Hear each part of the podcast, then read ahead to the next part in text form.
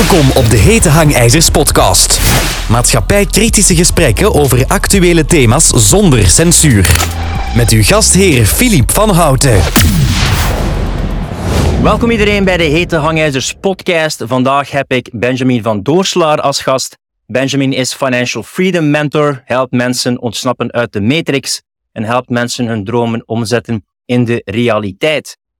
Jij bent heel veel bezig geweest met interessante plekken vinden om te verhuizen en een nieuw bedrijf op te zetten, een nieuw leven op te bouwen. De eerste vraag zou zijn van waarom zou iemand in Europa of de Europese Unie een leven moeten opbouwen buiten Europa of de Europese Unie? Hmm. Een goede vraag. Ehm, ik denk dat veel van, van uw luisteraars ondertussen al wel een, een idee of gevoel zullen hebben als antwoord op die vraag. Maar ik denk dat het hele idee waarop dat onze ja, Belgische en dus ook onlosmakelijk verbonden Europese samenleving, samenleving gebaseerd is, uh, is op het idee van de welvaartsstaat, waarbij dat je eigenlijk een, een grote groep uh, sterke schouders hebt, of een grote groep uh, van de bevolking die een kleine groep eigenlijk ondersteunt om mee te kunnen draaien in de samenleving. Dus je hebt een, een grote productieve groep, die dan uh, aan de hand van het uh, betalen van belastingen, waarbij dat je een overheid hebt die dat die, die belastingen zogezegd herverdeelt doorheen de samenleving, uh, ter ondersteuning van een kleine groep mensen die niet kunnen meedraaien. en ook een aantal functies dat de overheid zogezegd overneemt, waarbij het de, de, burger dat niet individueel of niet op een op privatieve manier moet organiseren. En in mijn mening staan wij momenteel op een, op een punt waarin het die welvaartsstaat eigenlijk compleet aan het omdraaien is. Dus als je dat zou moeten voorstellen, je zou dat traditioneel kunnen voorstellen als een soort van piramide. Van onder heb je allemaal sterke schouders die dan van boven een aantal zwakke mensen ondersteunen. Maar als je ziet wat er vandaag de dag allemaal gebeurt en als je kijkt naar de harde realiteit, dan denk ik dat je moet vaststellen dat die piramide eigenlijk wordt omgedraaid. Uh, de piramide misschien is een driehoek een beter woord. Hè, het heeft niet direct te maken met hiërarchie, maar althans, het gewoon een driehoek noemen die dat we omkeren. Waarbij dat je ziet dat er alsmaar minder sterke schouders of productieve mensen alsmaar meer zwakke of non-productieve mensen moeten gaan ondersteunen. Uh, en ik denk dat dat het, het grotere plaatje is, het grotere verhaal is. Dus waarbij dat je eigenlijk in een land zoals België vandaag de dag basically bestraft wordt om productief te zijn. En um, ik geloof zelf niet direct in oplossingen van binnen dat systeem. En op dat moment ben ik gewoon gaan beginnen nadenken van oké, ja, wat kan ik dan doen om één, niet langer dat systeem te sponsoren, want eigenlijk wordt dat systeem gesponsord op mijn productiviteit via mijn belastingen. Um, en twee, ja, hoe kan ik mij ergens beschermen tegen die val van dat systeem op, op uh, tegen het feit dat die welvaartsstaat omgekeerd um, aan het werken is. Um, en dat was voor mij eigenlijk een beetje de, de aanzet om ja, oplossingen buiten België of zelfs buiten Europa te gaan zoeken, omdat je wel ziet dat er eigenlijk één unie is. En dat wat er in België gebeurt, ook in, in de rest van Europa eigenlijk aan het gebeuren is. En dat was eigenlijk hetgeen dat mij ja, dreef om, om dat te gaan doen. Ik denk dat er een, een aantal belangrijke onderdelen zijn in dat verhaal, of waarom het dat vandaag de dag zo is. Ik denk dat je natuurlijk eerst en vooral um, moet kijken naar de overheid. Een overheid die daar alsmaar groter aan het worden is. Uh, een overheid die daar eigenlijk niet meer degelijk functioneert en die dat zo ver afgedwaald is van, van haar kerntaken, of dat wat zij oorspronkelijk zou moeten vervullen in zo'n welvaartsstaat. De herverdeling van de productiviteit op een goede manier en het, en het overnemen van een aantal kerntaken. Ja, die, die, die overheid is eigenlijk een soort van monster geworden uh, die dat zichzelf voedt op de productiviteit van de burgers door belastingen te betalen. En uh, heel duidelijk niet de ambitie heeft om, om, om kleiner te worden of om dat proces om te draaien. Integendeel, je ziet dat eigenlijk dat proces alleen maar groter wordt en, en versnellen. Uh, we hadden het voor onze, voor de opname nog even over een aantal cijfers in België. Dat, uh, denk ik, ook in, uw, Sam, in uw podcast met Sam Brokke het er even over gehad. Maar als je dan inderdaad kijkt naar de cijfers in België, um, ik geloof tegen 2028 dat de overheidsschuld in België 120% van het BBP is. Dus tegen 2028 uh, is de schuld van de Belgische overheid groter dan waar we of een stuk groter zelfs, dan waar we effectief produceren als land. Je hebt het overheidsbeslag van meer dan 50 procent. Uh, je hebt dan die 70 procent, um, waarvan u actief, of de 50 procent geloof ik, waar uw actieve bevolking um, eigenlijk afhankelijk is van, van de overheid. En als je dan kijkt naar de kwaliteit en je gaat kijken naar studies of onderzoek, ja, dan zie je dat wij hier in België de hoogste belastingen, of bijna de hoogste belastingen ter wereld betalen, maar er eigenlijk een hele lage kwaliteit uh, van in de plaats krijgen. En zeker dan, ja, de laatste paar jaar wordt het voor veel mensen alsmaar duidelijker dat die overheid niet werkt. En sterker nog, uh, meer en meer mensen beginnen ook te geloven of te denken of in te zien misschien zelfs, dat die overheid er vandaag een dag eigenlijk niet meer is om om hun eigen belangen te dienen, of die belangen van de burger, maar eigenlijk er is om ja, een, een oneerlijk financieel systeem in stand te houden, een, een elite in stand te houden dat dat financieel systeem, uh, systeem in handen heeft, en daarnaast ook gewoon zichzelf als overheid te kunnen blijven financieren en te, te kunnen blijven doen groeien. Dus ik denk dat dat een, een eerste heel belangrijk onderdeel is. En zeker ook bij mij ik denk dat dat inzicht een drietal jaar gekomen, geleden gekomen is toen ik, toen ik dat door had. Ik kon eigenlijk niet anders concluderen dan dat de overheid um, een soort van diefstal pleegde op mijn productiviteit. Um, en dat was, was er een specifiek moment of een bepaald iets dat gebeurd is met jou, of dat je merkte dat echt zo je triggerde? Want we weten al heel lang dat de belastingdruk hoog ligt in België. Dat is niet mhm. echt uh, verschillend met zoveel jaren geleden. Was er specifiek iets dat ontwikkelde drie jaar geleden dat je aanzette van ik, ik, moet echt een sprong wagen in iets nieuws en buiten België gaan? Ja, ik denk dat dat een beetje het klassieke verhaal is voor, voor veel mensen hè, vandaag die, eh, die zichzelf bewust of wakker noemen. Dat, dat proces van wakker worden was voor mij ook, de, is ook bij drie jaar geleden begonnen. Um, met, met al de maatregelen dan kwamen kijken bij, heel die uh, COVID-pandemie of pandemie, afhankelijk van hoe dat je daar wilt kijken. Um, ja, dan ben ik mezelf ook bepaalde vragen gaan stellen. Dat daarvoor leefde ik eigenlijk een goed leventje, of, stond ik daar niet bij stil. Maar op dat moment ervaarde ik zelf echt heel direct de pijn van het overheidsbeleid op mijn eigen vrijheid als, als individu. En dat heeft mij een beetje op een soort van deep dive gezet, totdat ik inderdaad op een bepaald moment besefte van oké, ja, dit klopt niet. Um, en ik kon dat niet meer ontzien. Ik kon er niet meer anders naar kijken dan um, te kijken naar onder andere bijvoorbeeld die meer dan 50% van mijn productiviteit die dat ik afgeef, ik kon dat niet meer anders bekijken dan een vorm van diefstal. En tegelijkertijd een, een, sponsoring van het systeem. Hè, want ik kan dan wel heel hard tegen het systeem zijn, of tegen hoe het vandaag een dag uh, gebouwd en, is en loopt. Maar ja, zolang dat ik belastingen betaal, ben ik nog altijd de hoofdsponsor van dat systeem. Dus dat, was voor mij, dat waren voor mij twee belangrijke momenten op inzichten die daar voor mij gewoon um, dat heel, heel duidelijk waren dat ik, dat ik actie moest nemen, dat ik moest gaan zoeken naar, naar andere oplossingen.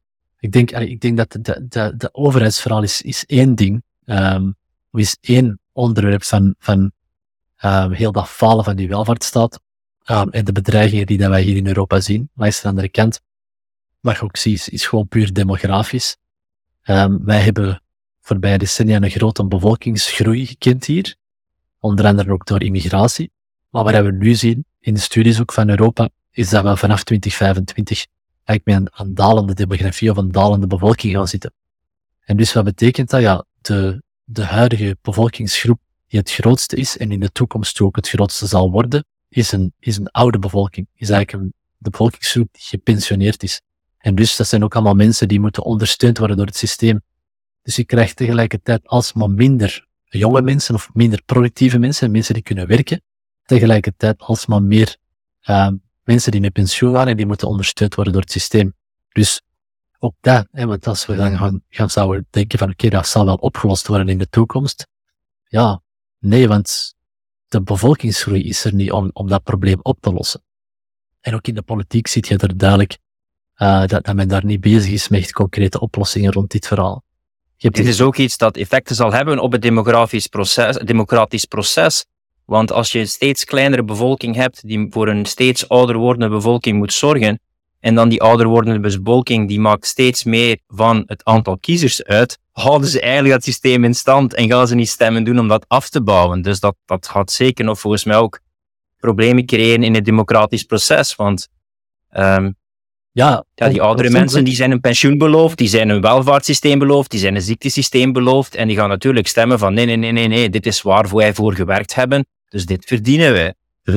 Ja, en dat zijn tegelijkertijd ook, denk ik, mensen die zijn, die zijn opgegroeid uh, met een heel sterk geloof in het systeem of een heel sterk vertrouwen in de overheid en in het systeem. Dat, dat hebben wij ook duidelijk gezien de laatste jaren, dat als de overheid iets, de overheid iets zegt, of dat de overheid echt wel de macht heeft om het gedrag van, van die bevolking te kunnen sturen. Dus ik denk dat je de komende jaren, uh, of tiental jaren, ook alleen maar um, meer van dat soort mensen zult zien. Um, mensen die niet echt rebelleren tegen het systeem, of mensen die zich niet loskoppelen voor tegen het systeem. Mensen die ook niet allemaal de mogelijkheid hebben om, om dat te doen. Um, tegelijkertijd, en dat is dan het derde, heb je toch ook wel een immigratiecrisis van de voorbije nou, decennia misschien, of, voorbije jaren. Dat is ook een gevoelig onderwerp.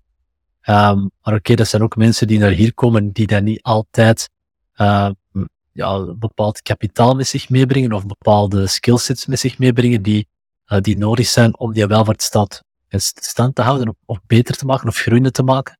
En dus opnieuw een extra belasting op, uh, op, op, op Europa of op, op een aantal West-Europese landen.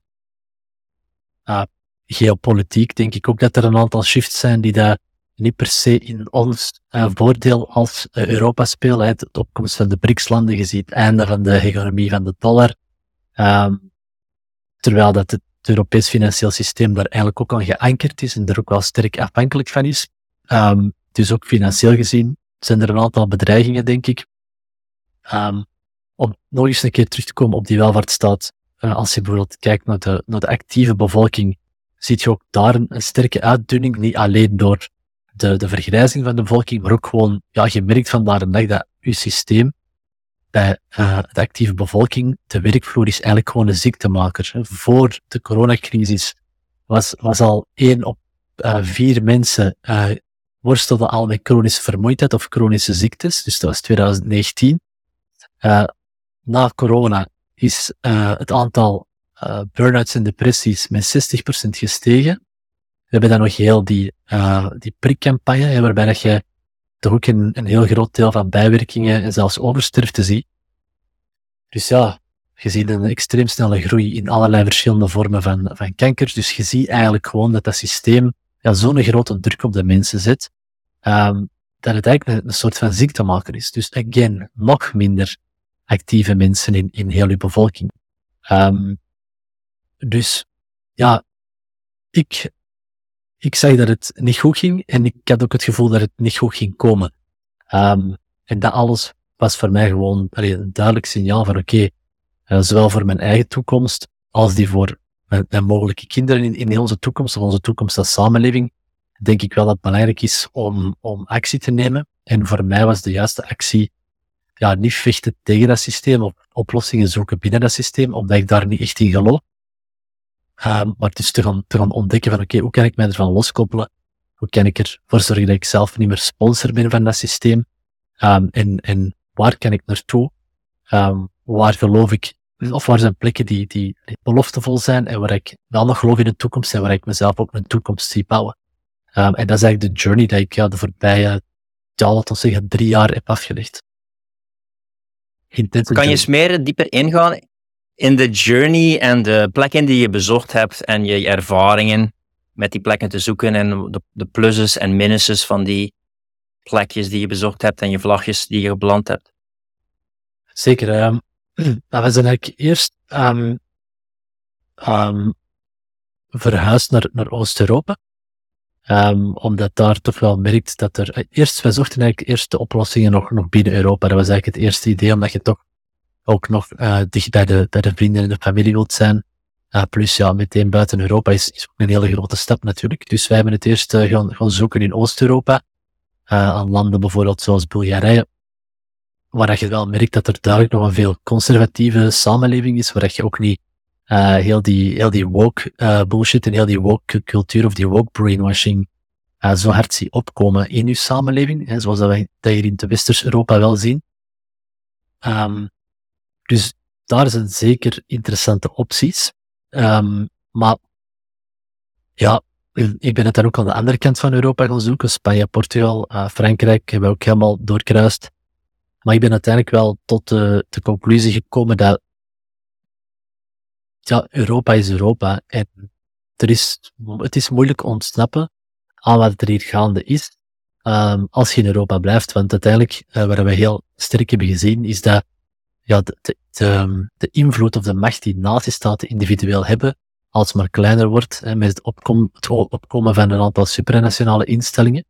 Um, Europa, die als overheid alsmaar meer macht naar zich toetrekt en ook steeds meer uh, inspraak heeft in hoe de nazistaten uh, de boel moeten, moeten leiden. Um, en dus dat was voor mij wel het inzicht ook dat hij heeft, heeft gezegd van oké, dan moet ik ook eens buiten Europa gaan kijken. Um, ik ben ook in Afrika geweest, uh, wat uh, heel interessant was. Natuurlijk ja, compleet andere uh, samenleving dan, dan, dan het Westen, dan de westerse cultuur. Um, alleen daar merkte ik dan voor mezelf, want die journey is natuurlijk heel persoonlijk, dat dat dan weer net iets te ver afstond van, van hoe dat ik uh, mijn leven wou leiden, hoe dat ik naar de dingen kijk. En dat ik toch wel ergens die westerse cultuur in mij heb. En, en die ook ergens zoek in een nieuwe uh, plek om mij te kunnen vestigen. En dan zijn wij uiteindelijk in uh, Latijns-Amerika beland. Waar dat voor mij wel een hele mooie mix is tussen enerzijds het moderne comfort dat wij gewoon zijn, uh, bepaalde westerse uh, invloed, of invloed van westerse cultuur, maar tegelijkertijd ook um, ja, ver weg blijven van de negatieve dingen die in Europa zijn ontgebeuren, of in het Westen zijn ontgebeuren in het algemeen. Um, en tegelijkertijd ook toegang tot echt ongerepte natuur, tot die puurheid, die rauwheid. En natuurlijk, ja, in mijn verhaal, wat ook heel belangrijk is, um, is, is, is het fiscale verhaal, dat daar ook bepaalde voordelen aan zijn verbonden. En, en zowel in, in de plek, maar ook als de mensen die ik ter plaatse heb leren kennen, was Latijns-Amerika wel de plek waar dat ik mij het beste voelde en waar ik wel een mooi evenwicht of een mooi samenkomen zag van die twee verschillende werelden eigenlijk. Um, en waar ik ook gewoon heel veel mensen zie naartoe trekken en zie naartoe gaan, die like-minded zijn. Dus enerzijds ook doorhebben wat er aan het gebeuren is, hun, hun eigen toekomst ook op die manier zien. Vervolgens een nieuwe orde gaan opzoeken, maar tegelijkertijd ook, ook wel mensen waar je iets mee kunt. Mensen die iets nieuws willen bouwen. Ondernemende mensen, mensen die samen dingen willen doen. Um, en die de goede dingen bij wijze van spreken uit het Westen willen importeren en de slechte dingen achterlaten. Um, en, en gewoon ja, proberen iets nieuws te bouwen, een nieuwe wereld te bouwen. En, en dat heb ik daar wel, wel, ben ik daar wel tegengekomen. Welke factoren zouden we moeten overwegen naast de financiële of uh, de belastingsmaatregelen en systemen daar? Welke zouden we moeten overwegen als men naar een andere woonplaats wil migreren? Um, Natuurlijk, ja, het, fiscale, zoals je zelf al aanhaalt, is, is ook dan belangrijk om rekening mee te houden. in mijn mening toch, omdat vandaag de dag, ja, er zijn ook heel wat plekken op, uh, op deze wereldbol. En dan zeker in, in mijn geval, omdat ik een online ondernemer ben, ik verdien mijn, mijn, mijn centen online. Dus je hebt wel veel opportuniteiten en mogelijkheden. Um, er zijn vandaag de dag een heleboel um, landen met heel interessante fiscale regimes, waarbij dat je een stuk minder belastingen of zelfs geen belastingen zou moeten betalen als je um, als je dat zou willen. Um, maar wat komt er nog bij kijken? Ja, uiteraard, uh, het allerbelangrijkste is denk ik uh, je persoonlijke voorkeur. Het moet een plek zijn waar je zelf persoonlijk graag zij. Um, het heeft geen zin om bijvoorbeeld te verhuizen naar, ik zeg maar iets, Dubai, omdat je, omdat je belasting wilt besparen, maar bijvoorbeeld een natuurmens bent die veel natuur nodig heeft, want in Dubai is er geen natuur. Uh, het heeft geen zin om naar een land als bijvoorbeeld Costa Rica te verhuizen als je uh, nood hebt aan, uh, aan chique auto's, aan designerkleding, uh, aan luxe levensstijl. Want dat is daar veel, veel minder te vinden. Dan is bijvoorbeeld Dubai meer iets voor u. Dus alles begint heel persoonlijk in de, in de, in de, in de, vraag van, okay, wat voor een soort leven wil ik idealiter leiden en welk voor soort landen passen erbij. Het klassieke verhaal is dat mensen vroeger gingen verhuizen omwille van het betere klimaat, de, de Spaanse droom bijvoorbeeld. Maar vandaag een dag als je ziet wat er allemaal aan het gebeuren is, ja, komen er gewoon veel meer dingen bij kijken dan enkel een goed klimaat. Uh, hoe, hoe verhoudt dat land zich tot uh, wat er geopolitiek allemaal speelt? Hè? Is uh, bij wijze van spreken een ally van het Westen? Um, leunt dat land eerder aan bij die opkomende BRICS-naties? hoe heeft dat land zich gedragen in de voorbije jaren? Hebben die blindelings de agenda van het WHO gevolgd? Hebben die daar toch een beetje hun eigen draai aan gegeven? Maar ook in, in dat verhaal is het heel belangrijk om ook opnieuw ter plaatse te gaan. Want in, ehm, in een land zijn er veel verschillende uh, regio's en veel verschillende zones. En in de ene zone kan het zijn dat, dat de mensen zich allemaal aan de regeltjes hebben gehouden. En misschien is er ergens een plek waar de mensen zich niet zo aan de regeltjes hebben gehouden. Dus ook daar zitten uh, geografisch en lokaal heel veel verschillende factoren in. Uh, de, de, de, de verbinding met het thuisland of de verbinding met de familie en vrienden, hoe belangrijk is dat? Hoe vaak willen die mensen zien? Hoe makkelijk is dat land bereisbaar? De tijdzone, als je werkt of je hebt bijvoorbeeld veel online calls, ja, ligt dat land in een gelijkaardige tijdzone, is dat, valt dat allemaal in te plannen en te bolwerken in, in hun eigen agenda. Um, wat is de huidige ontwikkeling in dat land? Hè? Want sommige mensen um, hebben, hebben nood aan, aan, een bepaalde vorm van comfort, zeker in België, maar voor ons om te wonen wordt aanzien dat normaal wooncomfort is in een ander land vaak extreem luxueus. Maar in België is dat voor ons gewoon heel normaal. Dus hoeveel luxe heb jij nodig? Heb jij goede internet nodig? Heb jij uh, constante betrouwbare elektriciteit nodig? Ook niet iets waar in de buiten de westerse wereld zo, zo vanzelfsprekend is. Um, dus er zijn heel veel dingen die daar wellicht ook veel mensen aan de levende lijve eerst moeten ondervinden, waar voor hun in hun nieuwe uh, toevluchtsoord of in een nieuw soort leven belangrijk is, alvorens dat je eigenlijk die beslissing kunt maken. Uh, en dat is ook iets wat ik wel vaker zie terugkomen als ik, en want heel veel mensen zijn ik bezig met de vraag van ja, waar naartoe? Uh, en ik zie vaak mensen dan bestemming kiezen op basis van wat het op papier eigenlijk zegt, die bestemming. Maar dat is uiteraard een heel fout, foutieve manier. Je moet eerst een keer naartoe gaan om te zien van oké, ja, is deze plek wel iets voor mij? Of niet? Um, want dat ga je pas kunnen ervaren op het moment dat je er ook wat tijd doorbrengt. En liefst een aantal maanden voordat je, dat je echt kunt gaan inschatten van oké, okay, dit is wel of niet een goede plek. Um, als je ergens, nieuw aankomt, alles in het begin is, is allemaal heel leuk, hè, want het is een nieuwe plek, uh, het is mooi, uh, alles is nieuw, alles is leuk, alles is spannend.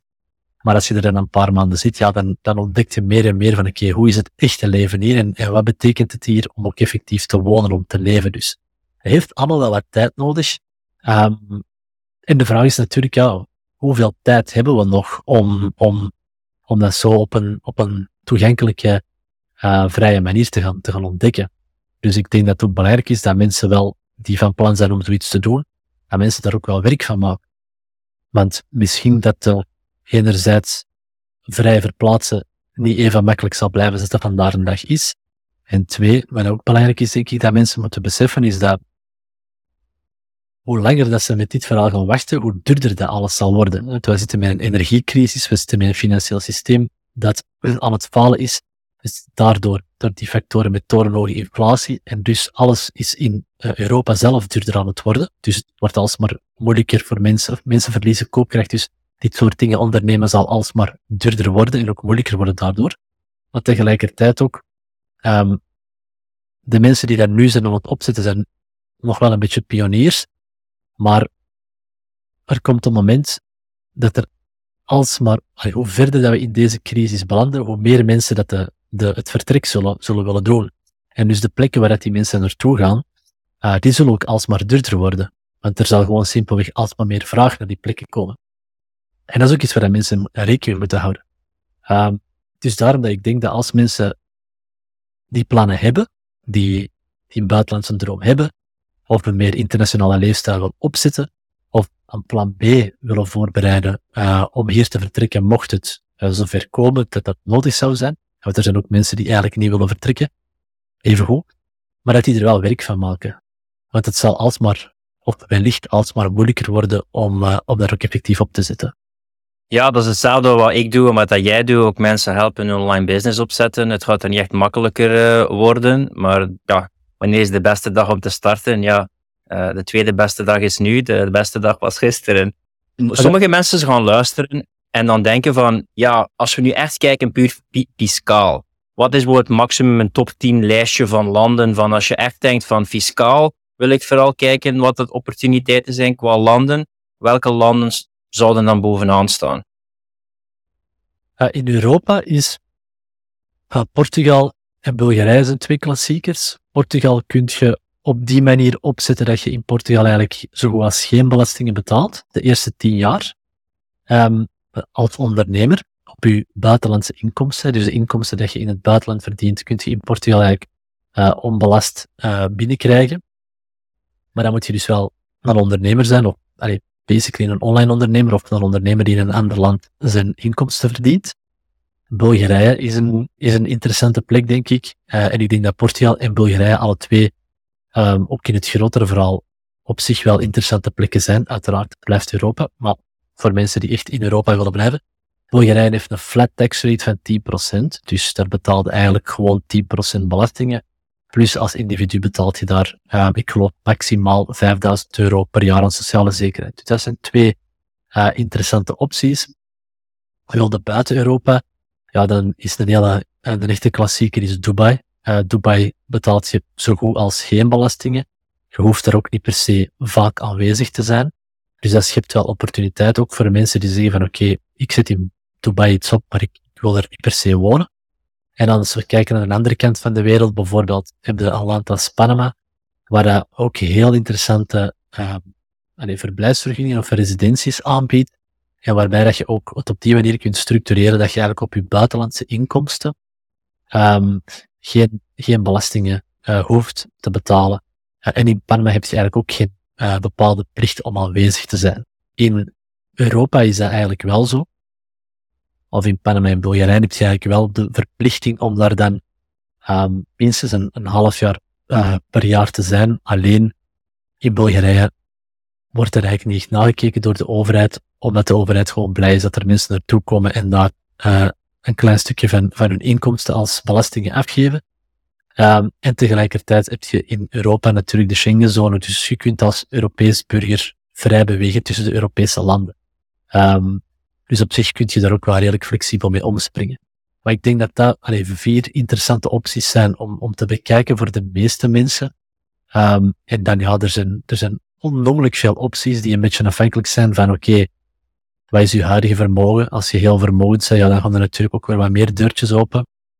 Wat, wat is het allerbelangrijkste voor je om in dat heel dat verhaal op te zitten? Um, en hoe wil je uiteindelijk gaan leven en op welke manier wil je rondreizen of hoe uh, mobiel wil jij zijn of, of hoe immobiel wil jij zijn? Uh, maar dat zijn vier, denk ik, interessante opties om, uh, om eens te bekijken. En dan natuurlijk ja, mensen die zeggen van oké, wij willen echt meer de digital nomad lifestyle aangaan. Die kunnen, die hoeven zelfs eigenlijk niet echt ergens een, um, een adres te hebben. Die kunnen eigenlijk gewoon belastingloos de wereld rondreizen. De enige belangrijkste voorwaarde in, in heel dat verhaal trouwens, voor, voor elke mogelijke optie, is dat de mensen ook wel effectief uh, hun woonplaats niet langer in België of Nederland hebben. want veel mensen zoeken een soort van oplossing van oké, maar dan blijf ik uh, in België en Nederland en zet ik in het buitenland uh, een offshore structuur op of een, een beetje structuur in de grijze zone. Maar dat is eigenlijk een optie die eigenlijk is illegaal, want wat je op dat moment doet, is belastingen ontduiken. Je mag perfect structuren opzetten om belastingen te vermijden, maar op het moment dat je belastingen gaat ontduiken, dan, dan doe je eigenlijk iets illegaal en loop je het risico dat je, in, dat je eigenlijk dubbel gaat belast worden. Eén, in het, het nieuwe land waar je jezelf hebt ondergebracht, maar twee, ook nog eens een keer in België en Nederland, um, omdat je in België en Nederland eigenlijk belast wordt op je persoonlijke inkomsten wereldwijd. En dat is eigenlijk de, het essentieel stukje voor de meeste mensen die dat in dit verhaal een soort van financiële vrijheid willen bouwen, of die daar een interessante fiscaliteit willen opzoeken, of een interessante fiscale structuur willen opzetten. Um, de essentiële stuk voor de meeste mensen is de plek waar zij een verblijfplaats hebben of een of officieel wonen, omdat de meeste landen belasten op persoonlijke inkomsten. Het ene land doet dat territoriaal, het andere land doet dat wereldwijd. Dus sommige landen belasten enkel de inkomsten die je in, in dat land verwerft en geen inkomsten dat er buiten zijn verworven. Andere landen, zoals bijvoorbeeld België of Nederland, belasten wereldwijd. Dus uh, je mocht ja perfect een structuur hebben opgezet in Dubai. Als je nog effectief hier in België woont, moet je ook hier in België belasten, belasting betalen op de inkomsten die jij verworven hebt uh, in Dubai. Dus dat is wel een belangrijke voor mensen om te weten. Is dat, ja, dat vergt wel uh, bepaalde stappen. Dat vergt wel een bepaalde dapperheid om ook effectief wel ja, dat oude waar ze heel gewoon zijn. Hè? Een beetje die, eigenlijk een soort van valse, de valse illusie van zekerheid. Want, want eigenlijk is er geen zekerheid als je naar de realiteit van de welvaartsstaat kijkt. En zeker niet voor mensen die over enkele tientallen jaren hopen op een pensioen of op een, op bepaalde sociale zekerheid. Ik weet niet waar ze dat geld gaan vandaan halen, maar voor veel mensen vergt dat een andere manier van naar te kijken, een andere manier van denken. Um, en er komt een soort van dapperheid bij kijken om die stappen ook effectief te zetten, want je, laat wel een, een, een heel uh, bekend iets uh, achter u in, in zo'n verhaal. Ja, je stelt de vraag, waar gaan ze dat geld vandaan halen? We nemen deze uitzending op als er een staatsbon gelanceerd is door de overheid om even tijdelijk een klein beetje van die schuld terug te betalen. Jij haalde aan dat de staatsschuld in 2028 120% zou zijn. Mensen zijn blij met een interest, ik weet niet hoeveel het was, 2,5% of 3%, om het blijvende falende systeem in, in gang te houden. Ja, en het, is, het, het is bijna lachwekkend. Hè? En, en ik denk dat dat ook, dat ligt eigenlijk een heel pijnlijk, en voor mij pijnlijke realiteit bloot. En ik denk voor, mensen zoals ons ligt dat een pijnlijke realiteit bloot, is dat ja, het was eigenlijk nog nooit zo duidelijk uh, voor de mensen om vandaag een dag te ontdekken hoe fout er het zit en, en hoe dat die overheid er een, een gigantisch potje van heeft gemaakt en ons eigenlijk allemaal ja, klein aan het houden is, een groot deel van de bevolking ziek aan het maken is, maar ons vooral allemaal financieel gevangen houdt. En toch haalt diezelfde overheid een record aantal van het spaargeld van, van zijn burger weg ter financiering um, van, van de eigen activiteiten. Het is bijna dat een bankrover een bank overvalt met de gijzelnemers in de bank en dan dat de, gijzel, de gijzelaars het geld uit hun zakken halen en vrijwillig het geven aan de gijzelaar. Ja, het is een beetje het Stockholm-syndroom. Hè? Het is een vorm van een Stockholm-syndroom, denk ik. En en dat ligt een heel pijnlijke realiteit bloot voor mij. En die realiteit is dat de massa, die zullen altijd blijven slapen.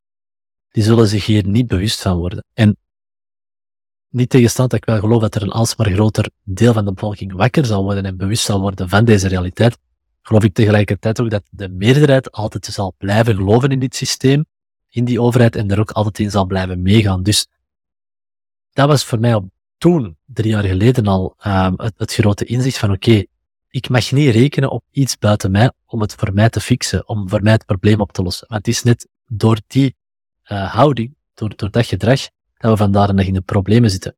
En mensen die vandaag bewust zijn en wakker zijn, die moeten zich ook heel goed beseffen dat de massa zal blijven meegaan in dit systeem. En dat ze dus hun eigen boontjes moeten doppen en, en zichzelf zelf de verantwoordelijkheid zullen moeten nemen om zich hier tegen te beschermen en zich hier ook van los te maken. Um, en ik denk dat de staatsbond, of het record aantal uh, geld dat via die staatsbond is opgehaald geweest, ja, het zoveelste bewijs is uh, van die situatie. Jij werkt voor een stuk uh, mensen scholen in hun financiële ongeletterdheid, maar dit toont nogmaals hoe mensen gewoon niet doorhebben hoe het financiële systeem werkt, hoe het eigenlijk zorgt voor inflatie en de crisissen. En dan denken ze van, ah ja, ik ga dit kopen, want dan ontsnap ik eruit, terwijl ze eigenlijk bijdragen tot het probleem dat het gecreëerd heeft. Exact, mensen sponsoren letterlijk um, hun eigen gijzelnemer. Um, en en, en ik, kan, ik kan ergens begrijpen, omdat heel veel mensen hebben die bewust, die, eh, die, die level van bewustzijn niet over hoe dat het werkt. En ik kan begrijpen dat mensen dan denken van oké, het brengt meer op dan op mijn spaargeld, uh, dan op mijn spaarrekening. Um, en als bescherming tegen de inflatie of mijn geld wordt minder waard, dus ik moet iets met mijn geld doen. Ik weet niet wat ik ermee moet doen, dus ja, misschien moet ik het dan maar in die staatsbond steken. Maar als je die staatsbond gewoon, het rendement van die staatsbond naast de inflatiecijfers leggen, dan mogen ze zelfs nog de officiële inflatiecijfers leggen. Uh, want de, de, onofficiële of de echte inflatiecijfers zijn wellicht nog een stuk hoger, omdat er altijd geschummeld wordt met de berekeningen. Ja, dan, dan, dan maken mensen letterlijk verlies door hun geld in die staatsbond te steken. Dus je maakt niet alleen verlies op je eigen uh, productiviteit of op je eigen spaargeld of op je eigen centen. Je sponsort er ook nog eens het systeem mee dat er exact voor heeft gezorgd dat je geld zo snel zoveel minder waard wordt. Dus eigenlijk is dat, is pure absurditeit. En dat is ook denk ik een teken aan de wand, want dat zien wij niet alleen uh, op financieel gebied. En je ziet dat in, in onze gehele samenleving. Ik ben er zeker van dat jij dat ook ziet. Er is gewoon een, een, een soort van absurditeit die die alleen maar extremere vormen aanneemt. En dat is voor mij ook een teken aan de wand dat, de, die westerse samenleving gewoon echt ten val is. En dat is ook een proces dat wij niet zomaar kunnen tegenhouden, denk ik. En daarom is het belangrijk om zelf verantwoordelijkheid te nemen, zoals ik er net al zei, en te gaan onderzoeken van ja, hoe kan ik mij er als individu tegen beschermen door me ervan los te gaan te maken en tegelijkertijd uh, dit ook op een positieve manier te gaan bekijken. Want oké, ik heb tot hiertoe al, al, al, heel veel negatieve dingen verteld, maar eigenlijk ben ik zelf heel hoopvol en eigenlijk beschouw ik deze tijd ook als een grote kans voor het individu om zijn op haar vrij te claimen. Alleen ja, het betekent wel dat je u zult moeten losmaken van dat systeem, waar dat voor heel veel mensen een hele grote stap is. Maar als, je, als ik kijk naar mijn eigen situatie, ik heb nog nooit zoveel vrijheid, zoveel voldoening ervaren in mijn leven. En ik heb bijvoorbeeld ook nog nooit zoveel geld verdiend als de voorbije drie jaar in mijn, in mijn gehele leven. Ik heb nog nooit zoveel financiële vrijheid kunnen opbouwen. Dus er zijn enorm veel kansen. Alleen je moet ze wel grijpen en je moet het wel zelf doen. Want het is heel duidelijk dat uh, vandaag de dag niemand anders het voor u zal doen. Wat zou jij zeggen tegen tante Rita en onkel Jeff in de zetel, die zeggen van, ja, maar dat is wel makkelijk, Benjamin. Jij zijt gewoon een profiteur dat niet bijdraagt aan de maatschappij en je gaat gewoon vluchten. Dat is makkelijk. Mhm. Ja, ik begrijp ook, ik begrijp ook die reactie. Um, maar again, waar ik tegen die mensen, waar ik probeer die mensen duidelijk te maken, is van, ik sponsor het systeem niet. Terwijl dat zij het systeem wel sponsoren. Zij sponsoren het systeem dat hen klein houdt. Uh, dus ik, ik geloof niet dat je er op een manier naar kunt kijken alsof dat ik zou profiteren van het systeem. Ik probeer het wel in mijn voordeel om te zetten. Niet ten nadele van iemand anders, maar wel in mijn eigen voordeel om te zetten, omdat ik geloof dat daar de oplossing ligt voor mezelf en voor uh, iedereen, voor een betere en vrijere samenleving. Um, maar dat is inderdaad een, een, een logische uh, reactie erop. En dan denk ik dat het een belangrijk inzicht is om te beseffen van oké, okay, maar wacht eens even. Ik sponsor dit systeem met mijn eigen energie. Ik hou het in stand. En dat is in mijn mening de enige, enige mogelijke oplossing om dat te veranderen, is jezelf buiten dat systeem te zetten. En de allerbeste manier om jezelf buiten het systeem te zetten, is ervoor te zorgen dat je zo goed als geen op lage belastingen betaalt, zodat je zelf eigenaarschap kunt claimen over je eigen uh, geld, maar je geld is eigenlijk energie, levensenergie, en zodat je je eigen energie kunt aanwenden um, voor de dingen die je zelf bepaalt. En niet dat de helft daarvan wordt aangewend um, en gebruikt door, uh, door iemand waar jij zelf geen controle over hebt. Jij spreekt ook vaak over uh, financiële vrijheid. Hoe zou jij financiële vrijheid definiëren? Is dat enkel genoeg geld hebben of gaat het breder? Um, ik denk dat geld is, is allee, een, een op zich belangrijk onderdeel in dat verhaal, uh, maar niet om zoveel mogelijk geld te hebben, wel uh, voldoende geld te hebben om uh, om eigenaarschap te hebben over mijn eigen tijd. Zodat ik mijn eigen tijd volledig kan indelen hoe dat ik dat zelf wil. Door iets te doen wat ik graag doe, uh, door mij te omringen met de mensen die ik zelf kies, um, door mij te begeven op de plekken waar ik zelf wil zijn, uh, zonder mij zorgen te hoeven te maken dat, dat ik morgen misschien in financiële problemen kom, en met een soort van buffer, met een soort van zekerheid, dat ik een tijd, of een gehele tijd verder kan, zonder enige problemen en dat mijn vermogen of, of mijn productiviteit of mijn geld, dat die um, beschermd is tegen enerzijds wat er aan het gebeuren is en tegelijkertijd is geïnvesteerd of daar uh, is ingezet om ook te kunnen, um, um, laten we zeggen, meer rijden op de golf van verandering of de opportuniteiten die er vandaag de dag zijn.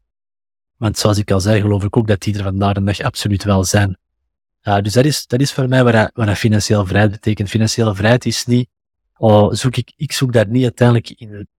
Mijn doel is niet materiële rijkdom, maar wel uh, de tijd en ruimte kunnen creëren om mijn eigen essentie te kunnen komen, om mij geen zorgen te moeten maken en om mijn leven gewoon volledig in te delen zoals, zoals ik dat zelf wil.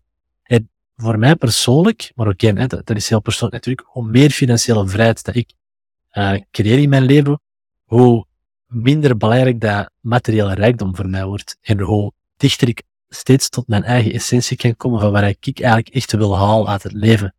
En ik denk dat dat um, iets is waar mensen vandaag de dag, en zeker jonge mensen vandaag de dag, moeten proberen na te streven, is de tijd en ruimte te kunnen creëren om te kunnen nadenken en om te kunnen voelen van oké, wat wil ik in het leven? Wat wil ik met mijn leven doen? Want iedereen leeft vandaag de dag, zit zo diep vast in de matrix. Ik ben hier ook even terug een tijdje in Antwerpen op bezoek bij, voor vrienden en familie. Ja, je wordt hier heel snel terug in dat systeem gezogen en ik zie dat ook hier bij mijn vrienden en bij mijn omgeving en bij mijn familie. Die zitten gewoon zo diep vast in de matrix of in de rat race. Die hebben gewoon geen tijd om na te denken over wat ze nu eigenlijk willen met het leven. Die hebben geen tijd om stil te staan en zich bewust te worden van oké, wat gebeurt er eigenlijk allemaal? Geen tijd voor. In de week mega druk bezig met werk en de kids. En wat er nog allemaal bij komt kijken. In het weekend uh, verplichtingen met sociale kring. Verdoven met wat alcohol of van feesten. En rinse and repeat. En dus dat ziet je hier uh, in deze samenleving heel duidelijk. Dat mensen gewoon eigenlijk van hun essentie worden geduwd of worden getrokken. Alsmaar verder ervan worden verwijderd. Uh, omdat ze op die manier eigenlijk heel makkelijk kunnen gestuurd worden in, in wat ze zo gezegd moeten doen met hun leven of wat dat zo gezegd succes is uh, in deze maatschappij. En het gevolg is, en zeker met hoe dat alles nu loopt, is dat mensen dus alsmaar verder van zichzelf en dus ook alsmaar verder van elkaar verwijderd worden. Um, en alsmaar dieper in die matrix en in die rat race worden geduwd. En dat vind ik het fantastische ook als ik werk met mijn klanten. Um, en ook wat ik bij mezelf heb, heb ervaren vanaf dat je jezelf in een situatie kunt zetten waarin dat je wel die tijd en ruimte kunt creëren, ja, dan begint alles gewoon te veranderen. En dan beginnen mensen echt hun leven en hun, hun doelen en hun wensen compleet anders te gaan invullen en indelen. Ook als je in de chakra-leerdingen bekijkt, is het verschillende niveaus. En het onderste is eigenlijk hetgene dat te maken heeft met stabiliteit, met gegrondheid. En we leven in zo'n maatschappij die zoveel verandert, zoveel afleiding, zoveel stimulatie, dat het moeilijk is om echt gegrond te zijn. En dan ga je vluchten in het tweede chakra, dat vooral te maken heeft met gevoelens en, en vluchten en, en fysieke sensaties krijgen. Of drie is dan het ego. Dus ik denk inderdaad, dat is voor een stuk ook ondernemer zijn of beslissingen nemen. Dat is echt verantwoordelijkheid, zelf antwoorden kunnen geven, zelf gegrond zijn. En dat is iets dat we niet gewoon zijn in een afhankelijkheidsmaatschappij. Maar dat is eigenlijk hoe dat je meer stabiliteit kan hebben, meer controle kan hebben. Want ik bekijk ook geld op een manier van geld geeft meer opties, meer keuze, zodat je ja, in die andere chakra's meer bewustzijn, meer connecties, meer je hart openen. Dat in sommige gevallen ook wel leidt tot meer geld. Maar toch is het een belangrijke factor, want ik heb het gevoel dat heel veel mensen ook wel, langs de ene kant willen ze meer geld, maar langs de andere kant heb je toch heel veel dingen van mensen die zeggen van uh, Geld is kwaad, geld maakt je kwaad, geld corrupteert, geld perverteert. Wat denk jij erover? Ik, ik vind dat iets heel interessants wat je, wat vertelt en ook vanuit die, die chakra-leer. En wat je hier heel hard merkt, is dat mensen inderdaad vastzitten in, in uh, onder andere ook die, die, die doen-chakra. Van oké, altijd maar dingen doen. Geluk zoeken in dingen doen. Productief zijn. Dat, dat, dat merkt je heel, heel hard dat de mensen daarin vastzitten. En inderdaad een compleet gebrek aan, aan connectie met zichzelf en een soort van gegrondheid met, met, met zichzelf en met de omgeving waarin dat ze zijn. En ik denk dat een belangrijk aspect daarin uh, ook is dat wij eigenlijk, um, of een belangrijke reden waarom dat wij zo zijn hier, is dat wij heel ver afstaan van, van de natuur. Dus ook van onze natuur, maar effectief ook van de natuur. En dat is iets wat ik zelf de voorbije jaren heel hard heb gemerkt, is hoe meer tijd dat ik in de natuur kan doorbrengen, hoe hoe meer ik mezelf thuis voel in mezelf en in de plek waar ik ben, en hoe meer gegrondheid er in mijn leven komt, en, en hoe duidelijker dat ik eigenlijk kan gaan voelen waar ik inderdaad wil, in plaats van dat ik dat allemaal in mijn hoofd als een soort van rationeel denk, denkproces moet gaan proberen te, te vinden. Maar dat is natuurlijk iets waar wij hier in die westerse samenleving, ja, uh, ik zou niet zeggen kwijt zijn, maar, want wij hebben het denk ik, uh, in onze levens, toch onze generaties, wij hebben dat nooit gehad. Dus wij, dat is iets waar wij eigenlijk uh, compleet opnieuw moeten leren. Alleen, het zit wel in ons. Dus het kan er bij iedereen naar boven komen, of, iedereen kan, kan, kan terug in lijn komen met die connectie. Um, maar daarvoor is wel heel veel connectie met de natuur nodig. En dat is again weer iets waar je hier dan in onze contraien heel moeilijk kunt vinden. En ook een van de drijfveren waarom dat wij um, ook, ook, ook effectief naar andere landen zijn, zijn getrokken om die connectie opnieuw op te zoeken. En ik denk, ik denk wat we gaan zien, heel dat proces wat, wat, we nu zijn aan het beschrijven, en waar ik zelf ook heel hard in zit, is, is een proces van vast te zitten in die angstmatrix, waar iedereen beslissingen neemt op basis van angst, omdat iedereen altijd maar eens nadenken is over alles en niet meer in, touch staat met zichzelf, om daaruit eigenlijk te gaan evolueren naar, um, naar personen of een, of een mensheid die op lange termijn uh, beslissingen neemt vanuit liefde. Niet meer vanuit angst, maar vanuit liefde. Niet meer vanuit onzekerheid of tekorten, maar vanuit een, een gevoel van overvloed, vanuit een vertrouwen. En ik denk dat uh, heel dat verhaal van, van natuur, uh, van, vanuit uw chakras te kunnen openen, vanuit een andere energie, in een andere dimensie te kunnen stappen, denk ik dat daar een, een, essentieel onderdeel van is. En om dan terug te komen op uw, op uw vraag van oké, um, hoe kijkt je naar mensen die zeggen dat geld slecht is? Langs de ene kant um, hebben, ze, hebben ze ergens wel een punt, omdat je zou geld ook kunnen zien als een uitvinding uh, van het systeem om het systeem te kunnen bouwen, het systeem in stand te kunnen houden, het systeem te kunnen voeden. Want eigenlijk oorspronkelijk hadden wij geen geld nodig. De enige reden waarom dat wij geld zijn gaan beginnen gebruiken, is omdat wij, als, is omdat wij een beschaving hebben gebouwd, uit de, natuur, uit de natuur zijn getrokken, een beschaving hebben gebouwd, een systeem hebben gebouwd, waarin dat wij met elkaar moesten handelen. We waren met zoveel en opeens plots werden zo'n complexe beschaving gebouwd dat we eigenlijk met elkaar moesten beginnen handelen. En de ruilhandel werkte niet meer, dat was niet meer efficiënt. En dus hebben we een andere manier moeten uh, gebruiken of gaan uh, uitvinden om die energie in die samenleving met elkaar te kunnen veranderen. Dus misschien in essentie hebben wij helemaal geen geld nodig. Maar is de andere kant, wat is geld nu? Wat is dat vandaag de dag? Ik denk dat mensen daar minder negatief tegenover staan of minder angst daar rond hebben als ze echt begrijpen wat het is. Wat is geld? Geld is gewoon een technologie die wij gebruiken om onze energie in op te slaan of onze productiviteit in op te slaan. Dus als ik um, met u iets wil verhandelen, ja, dat doen we dat door het gebruik van geld. Dat is eigenlijk een, een, medium om met elkaar te gaan handelen. Dus geld is eigenlijk iets heel belangrijk in onze samenleving en niet per se iets slecht. Maar wel slecht is, is aan ons huidige vorm van geld, is dat wij het niet meer in handen hebben. We hebben het niet meer in eigen handen. We hebben niet meer de controle of de eigenaarschap over ons geldsysteem. Ons geldsysteem is in handen van een heel klein deel bovenaan de piramide. Een kleine elite. En die hebben ervoor kunnen zorgen dat dus de technologie waar wij al onze energie, al onze productiviteit in opslaan, dat die daar controle hebben over gekregen. En inderdaad, um, vanuit een moreel standpunt daar heel negatieve, heel slechte dingen mee hebben gedaan. Uh, waar wij als individu, als burger, als gewone man slash vrouw, uh, vandaar nog enorm hard de nadelen van ondervinden. Um, dus ik denk dat het belangrijk is voor mensen om op een, op een ruimere manier naar geld te kijken. Uh, geld hoeft niet per se iets slecht te zijn. Uh, geld kunt ook in je eigen voordeel omzetten, uh, zonder dat je daar je medemens nadelig bij moet, moet mee beïnvloeden. Um, en ik denk, als mensen zouden beseffen hoe belangrijk dat geld is vandaag de dag om één, los te kunnen komen van de red race in de matrix, en twee, voor het, het, succes van het individu en daaruit volgt ook het succes van de samenleving, dan denk ik dat mensen um, ja, niet meer op die manier naar geld zouden kunnen kijken alsof het iets, iets slecht is. Ik denk dat de verlichting voor een stuk de natuur wou controleren via wetenschap. En ik denk meer en meer momenteel, zeker in het, uh, laatste, de laatste eeuw, gaat het meer over de menselijke natuur controleren. Er is zoveel gedragsbeïnvloeding. Dat we zoveel door externe dingen beïnvloed worden, dat we eigenlijk weinig tijd hebben om ons eigen gedrag te beïnvloeden. En ondernemer zijn, beslissingen nemen, die gegrondheid, die eigen stappen ondernemen, dat is eigenlijk hoe kan je je eigen gedrag nog beïnvloeden. In een maatschappij waar er zoveel externe dingen jouw gedrag beïnvloeden. Uh Ik ken jou ook een beetje, hè? En ik, ik vraag me ook af van waar vind jij die balans tussen? Ja, je bent ook een werker, hè? Ja, jij, jij zit ook soms in de ratrace en jij produceert graag dingen, dat weet ik.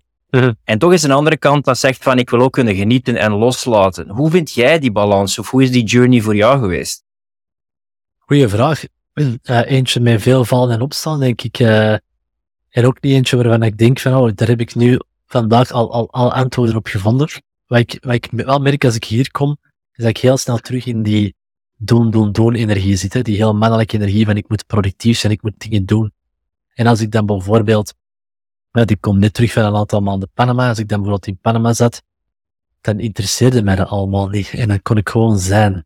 Um, En, en mijn uitdaging is nu om daar ergens een balans in te kunnen vinden. Maar wat ik, wat ik wel heel hard heb gemerkt, is dat vanaf dat je jezelf in zo'n plek kunt zetten, en vanaf dat je voor jezelf die bepaalde vrijheid hebt opgebouwd van iets te kunnen doen wat je graag doet, op, op een plek waar je graag bent, en op een plek waar je in de touch kunt komen met je natuur, zo, zo belangrijk, um, waar je in touch kunt komen met like-minded mensen, weg van de westerse uh, manier van de dingen aan te pakken, dan, gaat dat eigenlijk wel, wel vanzelf. Um, maar voor mij is het ook een, ja, een kwestie van daar een balancerende opening in te vinden en steeds minder vanuit die, die angst te gaan aanhalen en steeds meer de dingen doen vanuit, vanuit liefde en overgave. Um, dat is iets waar ik het voorbije jaar eigenlijk vooral mee ben, mee, ben bezig geweest, omdat ik deed, ik ben eigenlijk oorspronkelijk money matrix, en wat ik vandaag de dag doe, waar ik mensen mee help om, om uit de, money, de matrix te geraken, ben ik eigenlijk oorspronkelijk ook gestart vanuit een soort van angst.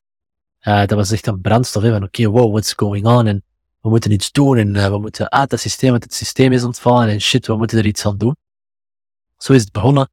Maar ik heb ondertussen ook wel mezelf zo vrij kunnen maken dat ik de tijd en de ruimte heb gekregen om in te zien van oké, in angst leven is niet de oplossing. De echte oplossing zit erin om al die dingen te laten gebeuren en zelf in je eigen kracht te kunnen stappen vanuit een, vanuit een liefdevolle manier ermee te gaan omgaan. Omdat ik denk dat daar de echte, de echte verandering ligt.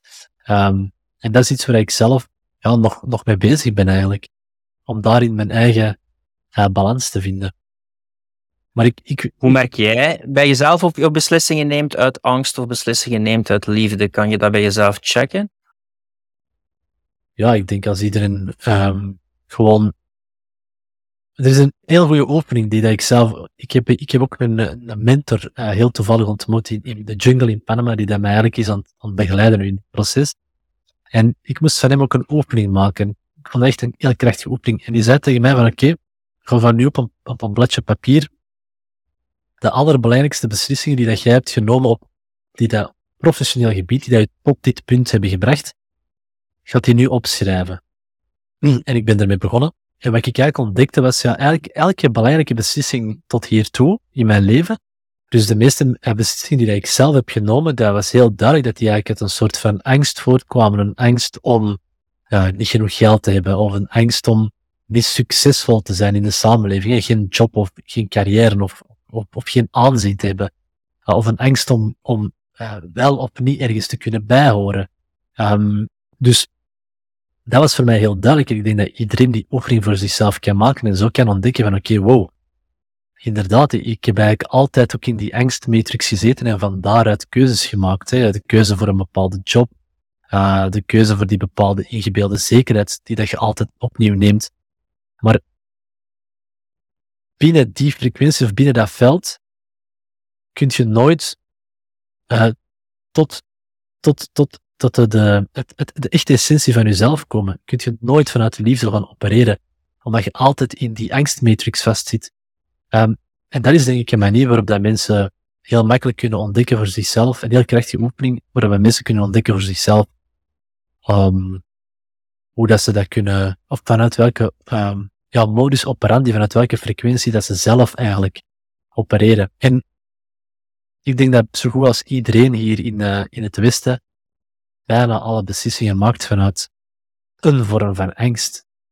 Voor, een angst voor tekort, angst om niet nergens te kunnen bijhoren.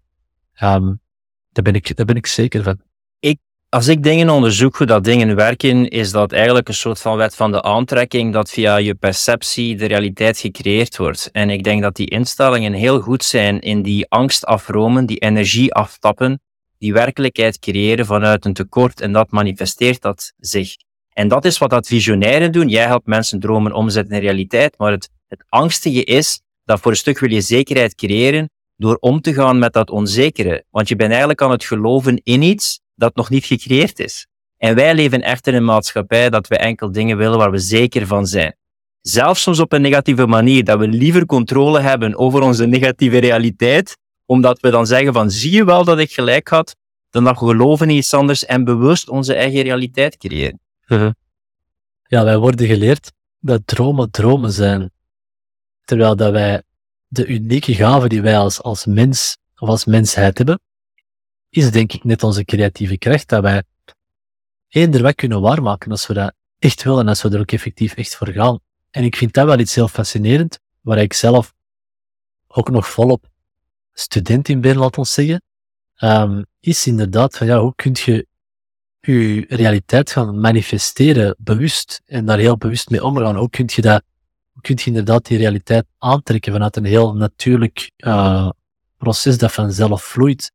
Ik geloof daar heel sterk in en ik geloof ook dat inderdaad dat eigenlijk de reden is waarom dat heel ons systeem ook ergens bestaat, is om, is om die kracht die dat wij hebben, om die vooral, um, ik ga niet zeggen, uh, niet vrij te laten komen, want, want, want ze bestaan eigenlijk al, maar inderdaad, ze wordt gebruikt om die angst mee te creëren en met die angst eigenlijk het systeem te voeden.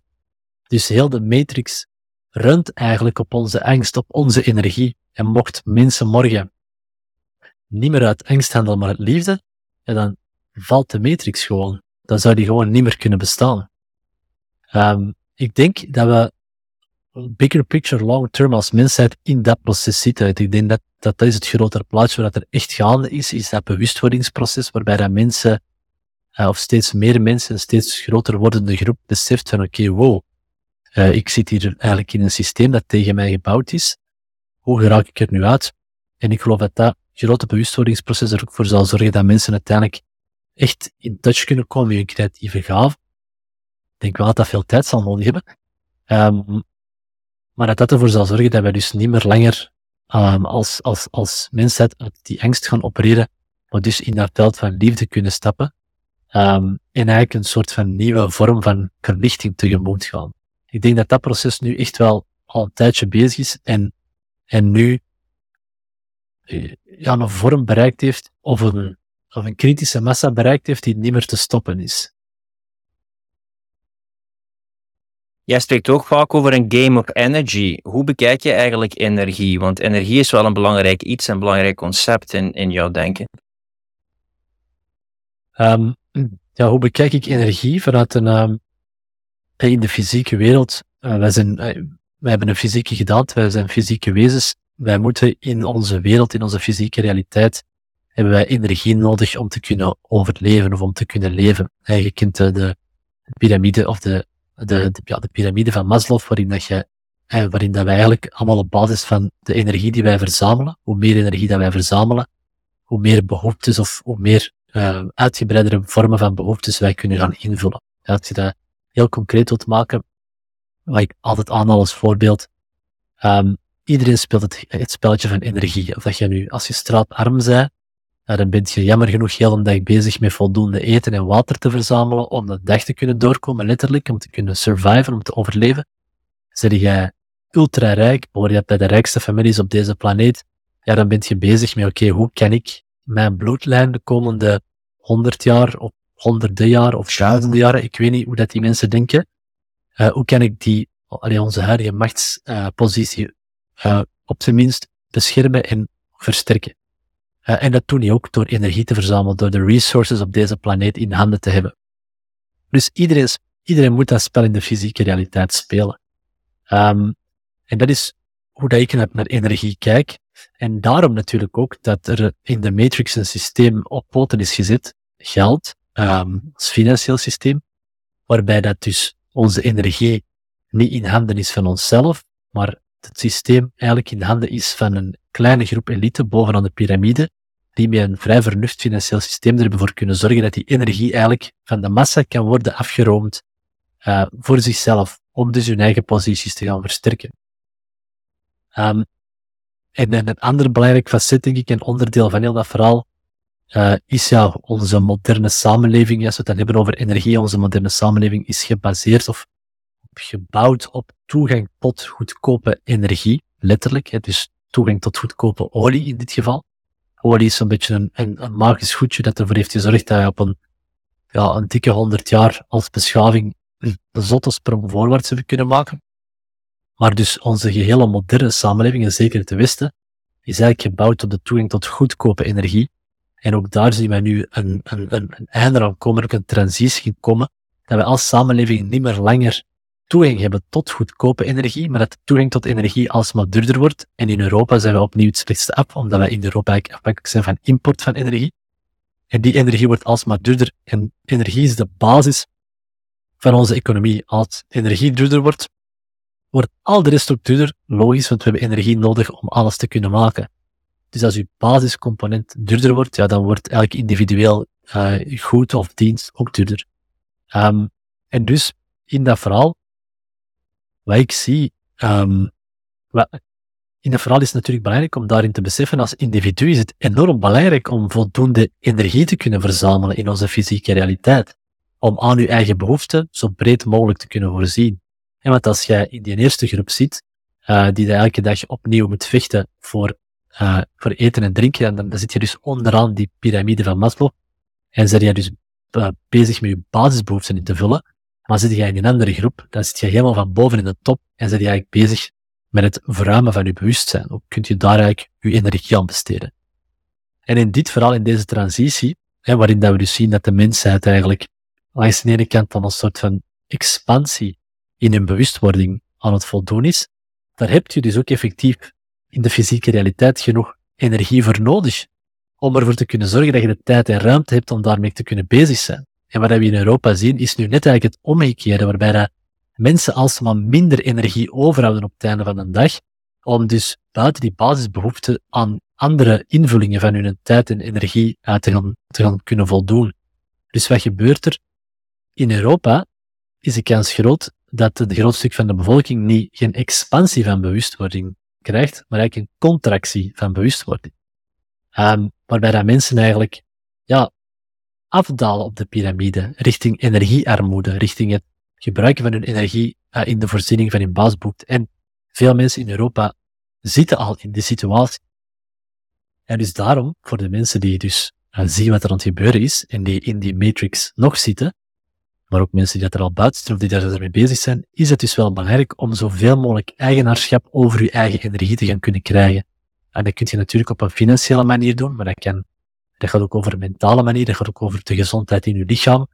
Um, dus, dus zoveel mogelijk je eigen energie kunnen controleren en beheren, want daar is heel duidelijk een aanval op um, vanuit diezelfde kleine groep bovenaan de piramide, die ja, zoveel mogelijk van die energie wilt afro afromen, zodat wij als mensheid uh, zo weinig mogelijk bewustwording, of eigenlijk minder bewustwording, of zo weinig mogelijk kunnen groeien in onze bewustwording. Want hoe meer dat wij zouden groeien in onze bewustwording, hoe sneller dat hun systeem zou vallen. Omdat wij daar gewoon uit zouden kunnen stappen. Ja, dat is ook ergens de, de zaak van genoeg ruimte, stilte, plek en energie te hebben om klaarheid te scheppen. Hè? Als een uh, lampje brandt in een, in een grote lege ruimte, dan verlicht het de hele ruimte. Maar je moet de energie mhm. hebben, de stilte, de pauze hebben om het te laten branden natuurlijk. Ik wil het nog over twee dingetjes hebben dat ik ook weet dat je veel over af weet. Dat is namelijk vastgoed en, also, en ook over bitcoin. Ik zou eens beginnen met vastgoed, want jij was vroeger een vastgoedmakelaar. Yes. Ik heb recent gezien dat je ook een post gedaan hebt over vastgoed in Europa en in de wereld. Hoe zou jij die evolutie evolueren? Want de Belg is ook een beetje opgegroeid met de baksteen in de maag en de beste investering is investeren in vastgoed. Um, ja, interessante vraag. Ik, uh, mijn, mijn carrière als vastgoedmakelaar, dat, dat, dat voelt echt als een vorige leven voor mij. Maar ik heb daar wel, wel heel veel geleerd over geld en investeren. En uiteraard ook over vastgoed. En eh, het grappige is dat het, het belangrijkste inzicht over vastgoed heb ik niet opgedaan tijdens mijn carrière in het vastgoed. Want in mijn, in mijn carrière als vastgoedmakelaar heb ik nooit iemand tegengekomen die het daarover sprak. Maar heb ik eigenlijk pas daarna op uh, geleerd of gekregen. En dat is eigenlijk um, waar mensen heel goed moeten begrijpen, en dat is mijn visie erover, is dat vastgoed um, eigenlijk een toevluchtsoord was van geld. En wat bedoel ik ermee? Wij zitten in een financieel systeem dat gebouwd is op de creatie van nieuw geld. Dus de hoeveelheid geld groeit alsmaar meer en meer en meer. En eigenlijk ons huidige financieel systeem is eigenlijk al sinds 2008 eigenlijk failliet, maar wordt hij kunstmatig in leven gehouden. En we hebben dat zeker gezien de voorbije jaren met corona. Ah, er moest gigantisch veel geld worden bijgecreëerd om die economie draaiende te houden. Die globale economie die dat zo verbonden is, draaiende te houden. Dus wat ziet je eigenlijk? En je ziet dat, je kunt dat heel mooi zien als je de charts naast elkaar ligt. Wat gebeurt er? Men, mensen snappen, soms veel, vaak bewust, maar ook vaak onbewust, dat ze, dat hun geld minder waard wordt. Niet iedereen beseft wat dat daar nu echt aan de grondslag van ligt. Maar wat je nu hebt over slim geld of, of, of gewoon retail money, heel veel van dat uh, nieuw geld zoekt zijn toevluchtsoord in andere dingen. we hebben net verteld, ik heb net verteld dat geld een technologie is om onze productiviteit in op te slaan. Vastgoed is ook een soort, of kan ook gezien worden als een vorm van geld, waarin dat mensen eigenlijk hun geld parkeren. En waarom parkeren mensen hun geld in vastgoed? Ja, en niet omdat dat leuk is om je geld in vastgoed te parkeren, want dat is het eigenlijk niet. Want vastgoed, er, komt een heleboel onderhoud bij kijken, je moet dat verhuren, dat geeft kopzorgen, dat is niet leuk. Mensen doen dat niet voor hun plezier. Mensen doen dat simpelweg omdat ze eigenlijk ergens gedwongen zijn, omdat er constant nieuw geld wordt bijgecreëerd. En je kunt niet zomaar even snel nieuw vastgoed creëren. Dus dat heeft een bepaalde soort van schaarste. En dus ziet je eigenlijk dat nieuw geld vluchten naar vastgoed. Vastgoed kun je ook zien als een soort van spaarrekening. Mensen beschouwen als, als een veilige spaarrekening. Dus eigenlijk, wat we hebben gezien is, dat vastgoed, zo gezegd, voorbij al 100 jaar enorm in waarde gestegen is. Maar hoe drukken wij die waarde uit? Wij drukken die waarde uit in geld, in euro's. Net, wij drukken die uit in net datgene waarin het er een enorme expansie, enorme uh, hoeveelheid nieuwe van is gecreëerd geweest. Een heel groot stuk van al het nieuwe geld dat gecreëerd is in deze wereld is gevlucht in vastgoed. Hij is vastgezet geweest in vastgoed als een soort van bescherming van de productiviteit, de bescherming van het geld. Uh, ik denk dat in de wereldwijd uh, zit 40 procent, is veel hè, 40 procent van het globale vermogen zit in vastgoed. Um, 68 procent van de echte assets, dus, dus uh, tangible assets, zit in vastgoed. Dus vastgoed is een, is, is, is een van de uitverkorene manieren voor mensen de voorbije 100 jaar om hun geld in te gaan bewaren. Maar als je gewoon de curve zou omdraaien, zou je ook kunnen zeggen, ja, het geld, uh, het vastgoed is niet meer waard geworden, uh, het geld is minder waard geworden. En dus datgene waar vastgoed in wordt uitgedrukt in euro's, dat is minder waard geworden.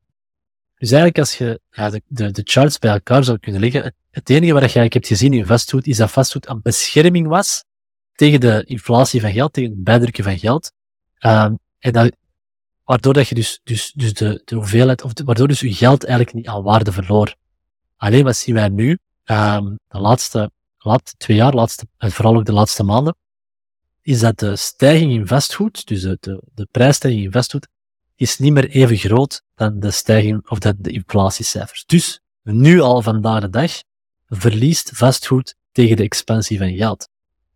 En als we dan kijken naar wat er uh, globaal is aan het gebeuren, en als we kijken naar ons financieel systeem, uh, waarvan ik denk ja, dat we de overstap aan het maken zijn naar een, een nieuw financieel systeem, dat niet meer zo hard zal uh, kunnen draaien op de geldcreatie van, op, op, de creatie van geld uit het niks, maar zal moeten gepakt worden door, door, door tangible assets, door, door echte dingen, door grondstoffen, door goud, etc. En dan, dan kan die geldexpansie dus niet meer zichzelf voortzetten en dan zal er ook niet meer zoveel geld in vastgoed vluchten. En wat gebeurt er dan? En dan stijgt vastgoed niet meer even hard mee. En dan is natuurlijk de vraag van, oké, okay, wat gaan mensen doen met al het geld dat geparkeerd stond in vastgoed? En gaat dat misschien uh, nieuwe orde opzoeken? Ik heb er net al verteld, uh, we zitten um, met, met, met een welvaartsstad die daar niet kan blijven bestaan. Um, we zitten met een dalende bevolking in Europa, dus er is ook uh, geen, geen, geen vraag meer naar nieuw vastgoed. Um, mensen kunnen vandaag een een nieuw huis, of kunnen niet meer hetzelfde, hetzelfde uitgeven aan een huis als dat ze dat tot voor corona konden. Dus, ja, wat gaat er gebeuren? Ik bedoel, voor mij is dat heel duidelijk. Hè? Er zijn meer neerwaartse krachten op vastgoed dan dat er opwaartse krachten zijn. Um, het enige waar ik nog kan zien gebeuren is dat heel veel mensen, op het moment dat die economische crisis zich verder en verder zal doorzetten en meer en meer mensen verliezen het vertrouwen in de overheid, kan ik mij inbeelden dat heel veel mensen die niet begrijpen dat vastgoed eigenlijk gelinkt is aan dat traditioneel financieel systeem, uh, dat die hun geld toch nog zullen willen parkeren uh, in, in vastgoed en dat dat nog enerzijds een iets op, opwaartse, uh, opwaartse kracht is. Um, maar als je bijvoorbeeld ook kijkt naar de energietransitie waarin dat Europa zich begeeft en alle energiemaatregelen waaraan dat die uh, nieuwe, of waarin dat vastgoed vandaag in de toekomst dan moet voldoen, en hoeveel panden dat daar moeten worden gerenoveerd en de hoeveelheid kosten dat er in die panden moet worden gestoken om dus aan al die nieuwe energielabels te voldoen. Ook opnieuw een van de redenen waarom de vastgoedprijs in mijn ogen heel hard onder druk staat. Dus dat is één aspect. Ten tweede denk ik dat wij bijvoorbeeld ook de opkomst zien van een uh, nieuwe monetaire technologie zoals Bitcoin. En ik denk zeker dat uh, ja, jongere mensen um, hun, hun appetijt om te gaan investeren in vastgoed, waar hij heel veel kopzorgen met zich meebrengt. En ik kan uit ervaring meespreken. Ik heb duizenden investeerders ontmoet in mijn leven. Ik weet hoeveel kopzorgen dat er bij vastgoed komt kijken. En ik weet ook hoe weinig mensen er echt rendement halen op hun vastgoed. Dat is echt een heel, heel klein stukje van de mensen. En dat rendement is ook heel beperkt. Als je echt kijkt naar de echte cijfers, alleen staan mensen er nooit bij stil. Um, en ik denk ook dus dat jonge mensen, gezien die, die uh, opkomst van bijvoorbeeld bitcoin, maar ook gewoon hun leven op een andere manier willen gaan organiseren en leiden, uh, zeker ook met de opkomst van de digitalisatie, dan denk ik dat in de toekomst alsmaar minder mensen hun geld eigenlijk in, in vastgoed gaan parkeren. Um, en in mijn mening hebben we eigenlijk ja, de, de peak bubble, dus de, de piek van hoeveelheid geld dat stond geparkeerd in vastgoed, simpelweg om het te parkeren in vastgoed, die ligt volgens mij achter ons. En ik denk dat wij dat kapitaal dat daar nu in vast zit, in de toekomst andere oorden gaan zien opzoeken. En ik denk dat bitcoin een, een, um, ja, een heel groot stuk van um, het geld dat in vastgoed opgeslagen zit, gaat, uh, gaat opeten. Omdat bitcoin gewoon zoveel keren beter is als store of value. Dat noemen we store of value, wanneer je je geld ergens in parkeert om store of value, om de waarde te kunnen behouden. Bitcoin is daar, ik weet niet hoeveel keer, ik denk dat het moeilijk uit te drukken is, maar ja, vele malen beter um, dan vastgoed, want je hebt, je, je hebt geen enkel beheer.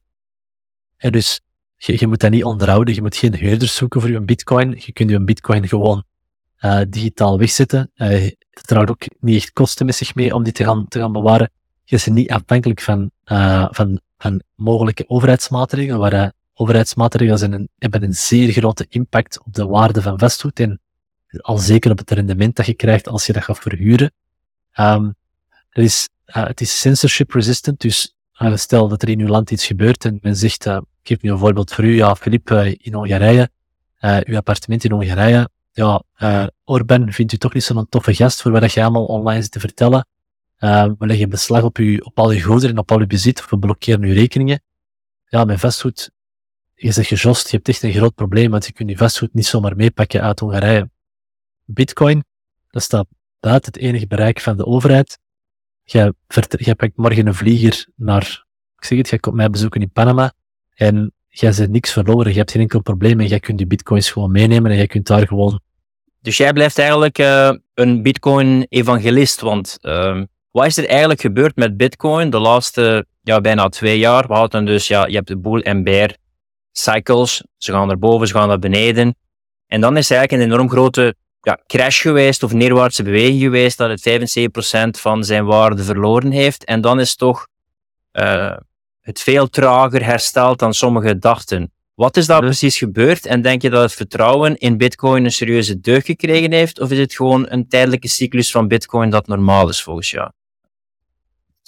Ja, ik denk uh, wat wij allee, concreet hebben gezien, was, um, ik denk dat veel mensen hadden verwacht, of de, de believers in Bitcoin hadden verwacht, dat in deze situatie met de komst van corona en, en met het, met het, uh, gigant, het creëren van gigantisch veel, uh, veel meer geld, dat Bitcoin eigenlijk zo'n rol als, als hedge tegen het, um, tegen het financieel systeem zou gaan vervullen en dat je dus geen crash zou zien, maar dat Bitcoin eigenlijk eindelijk zo'n zo'n rol zou kunnen gaan vervullen en, en, keihard zou stijgen. Nu, ja, de markt heeft meestal ongelijk, hè, dus dat was ook op het moment dat eigenlijk de, de, zo'n boel al een tijd aan het draaien was, dus dat er eigenlijk al enorm veel nieuw kapitaal in um, crypto en bitcoin en andere cryptocurrencies is gestroomd, en waarbij uiteindelijk heel duidelijk is geworden dat dat, dat, dus niet zo was. Is de andere kant, wat we wel hebben gezien, nu is dat bitcoin zijn positie wel al een lange tijd vast aan het houden is. Dus dat er wel een gigantische steun staat ten opzichte van Bitcoin um, in zijn huidige vorm en in de huidige markt. Maar als je kijkt naar de geschiedenis van Bitcoin, dan zie je altijd wel die, die bull en bear markets, uh, cyclussen waarbij dat, ja, plots heel veel nieuwe mensen um, in bitcoin stappen, waar het ervoor zorgt dat de prijs exponentieel stijgt tot op een bepaald niveau dat dat eigenlijk niet meer haalbaar is, dat dat niet meer, niet meer duurzaam is, en dat dan eigenlijk de markt terug opnieuw uh, afstand neemt, het vertrouwen verliest, en dan zie je dus terug een crash, en dan moet dat vertrouwen zich inderdaad uh, stilletjes aan terug gaan herstellen. En wat we uh, vooral de laatste tijd zien, vooral, vooral nu zien, is dat gewoon grote partijen, zoals bijvoorbeeld naar BlackRock, ook enorm veel interesse toont om in Bitcoin te stappen. En uiteraard ook ergens logisch, omdat Bitcoin is de, is de schaarste asset die de mensheid ooit heeft gezien. Er is geen enkele asset die schaarser is dan Bitcoin. Bitcoin is de enige asset die wij hebben als mensheid, waarbij het, aantal Bitcoins um, gelimiteerd is. Er kunnen er maar 21 miljoen zijn. Dus kijk naar huizen, kijk naar goud, kijk naar grond, kijk naar aandeel in bedrijven. Dat hebben wij nog nooit eerder gezien. En dus, waar ik denk, of waar ik verwacht, is dat die grote partijen uh, zich aan het klaarmaken zijn of, of er al mee bezig zijn, uh, of al een tijd zelfs bezig zijn om bitcoin te gaan uh, accumuleren, te gaan verwerven, en daarop nieuwe financiële producten te gaan creëren, en op die manier bitcoin, dankzij de, het feit dat het schaars is, eigenlijk kan kunnen gebruiken om op Bitcoin eigenlijk terug aan een nieuwe vorm van geldexpansie te kunnen doen. Omdat je ook wel zien van oké, dat huidige financieel systeem dat we nu draaien zijn aan het houden, dat heeft wel zijn einddatum bereikt. Maar natuurlijk, dat hele systeem draait op geldexpansie en zijn die op zoek naar nieuwe manieren. En dan kun je gaan kijken van oké, ja, is dat goed voor Bitcoin of is dat niet goed voor Bitcoin? En dat gaat dan een beetje over je eigen morele overtuiging, denk ik. Hoe dat je dat wilt benaderen. Uh, maar het is ook naïef om te denken dat die oppermachtige partijen uh, niet op zijn minst even goed weten als ons hoe dat, dat werkt uh, en hoe dat ze dat in hun voordeel kunnen gebruiken. Ik was verbaasd tijdens corona, wat jij ook zei, want ik had gedacht van, ja, jij merkt ook tijdens corona dat, ja, toen ging op een bepaald moment bitcoin erg omhoog, dan kwamen die NFT's met Gary Vaynerchuk en andere mensen die het verkochten en zo. En dan ook de metaverse. Ik weet ook dat jij erover sprak in de Money Matrix. Ik had deels gedacht van oké, dit is de gateway druk naar de technocratie, mensen in de metaverse laten leven. Maar misschien was het even tonen en dan te veel crisis en dan komt het later terug. Ik had gedacht dat het verdere ingang zou gevonden hebben in de, in de maatschappij. Dacht jij er hetzelfde over? Mm, ja, ik denk ik denk dat het heel duidelijk was dat, op is dat die, heel die crypto space eigenlijk een soort van kopie is van het financieel systeem, maar dan op steroïden, omdat het simpelweg veel kleiner is en er nog veel minder geld in zit. Dus de meeste van die dingen zijn, zijn scam of, of, zijn eigenlijk gewoon een manier uh, voor mensen om gewoon veel geld te verdienen op de onwetendheid van de meta. Hetzelfde als ons financieel systeem. Um, denk je dat de metaverse eraan komt? Uh, ja, zeker. Denk ik dat NFT's een belangrijke rol gaan spelen? Ja, zeker. Maar dat zijn zaken die gewoon allemaal veel tijd nodig hebben. Um, en natuurlijk ja, omdat wij zo worden meegetrokken in, in, in die emotionaliteit van, van uh, hoe dat die markt werkt. Um, ja, krijg je soms een beetje grootheidswaanzin voor te denken wat het, het betekenis van is van zo'n project op dat moment. Um, dus ik, ik denk wel dat dat overduidelijk uh, eraan komt. Maar dat heeft, ja, dat heeft tijd nodig. En ik denk dat wij nog door in verschillende cyclussen zullen gaan, alvorens dat dat ook effectief uh, wereldwijd gebruikt wordt, die zaken. Maar dat is met elke nieuwe technologie. Zo weet je, uh, je hebt een soort van adoptiecurve en die adoptiecurve, ja, die krijgt een heleboel nieuwe gebruikers, dan plateaut die weer even nieuwe gebruikers, plateau, nieuwe gebruikers. Dus zo gaat dat eigenlijk doorheen de samenleving, tot alleen dat dat een kritieke massa heeft gebruikt en tot alleen dat die technologie door de hele massa uh, wordt gebruikt. En ik denk dat je ook niet mocht vergeten, bijvoorbeeld in het verhaal van Bitcoin. Bitcoin is nu uh, 13 of 14 jaar oud. Maar als je kijkt naar waar het er vooraf gegaan is om Bitcoin, ja, dat is al sinds de jaren 70 eigenlijk dat men bezig is om na te denken over, oké, okay, hoe kunnen we uh, cryptografie en digitalisatie, et cetera, hoe kunnen we dat gebruiken om een digitale vorm van geld te gaan creëren? Dus wij, we proberen allemaal een beetje op een te korte termijn te bekijken, terwijl ik, ik geloof echt heel hard dat op heel lange termijn uh, Bitcoin een hele belangrijke rol zal spelen in het financieel systeem, misschien zelfs als, als een nieuwe basislaag. Uh, ik geloof ook dat dat op lange termijn iets goed kan betekenen voor de mensheid. Ehm, maar op korte termijn ja, verwachten wij er soms misschien te veel te snel van. En ik denk dat je er niet per se op een negatieve manier naar moet kijken als bijvoorbeeld een BlackRock uh, zich hier ook mee wilt gaan bezighouden. Want als een BlackRock hiermee wilt gaan zich gaan bezighouden, dan betekent dat dat Bitcoin enorm veel geld gaat waard worden. En zolang dat, er, zolang dat wij een medium hebben als geld in onze samenleving, zal de, de matrix altijd bestaan.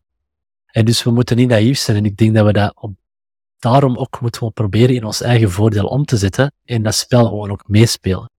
Um, en de matrix proberen om te zetten in ons eigen voordeel. Want die zal er altijd zijn.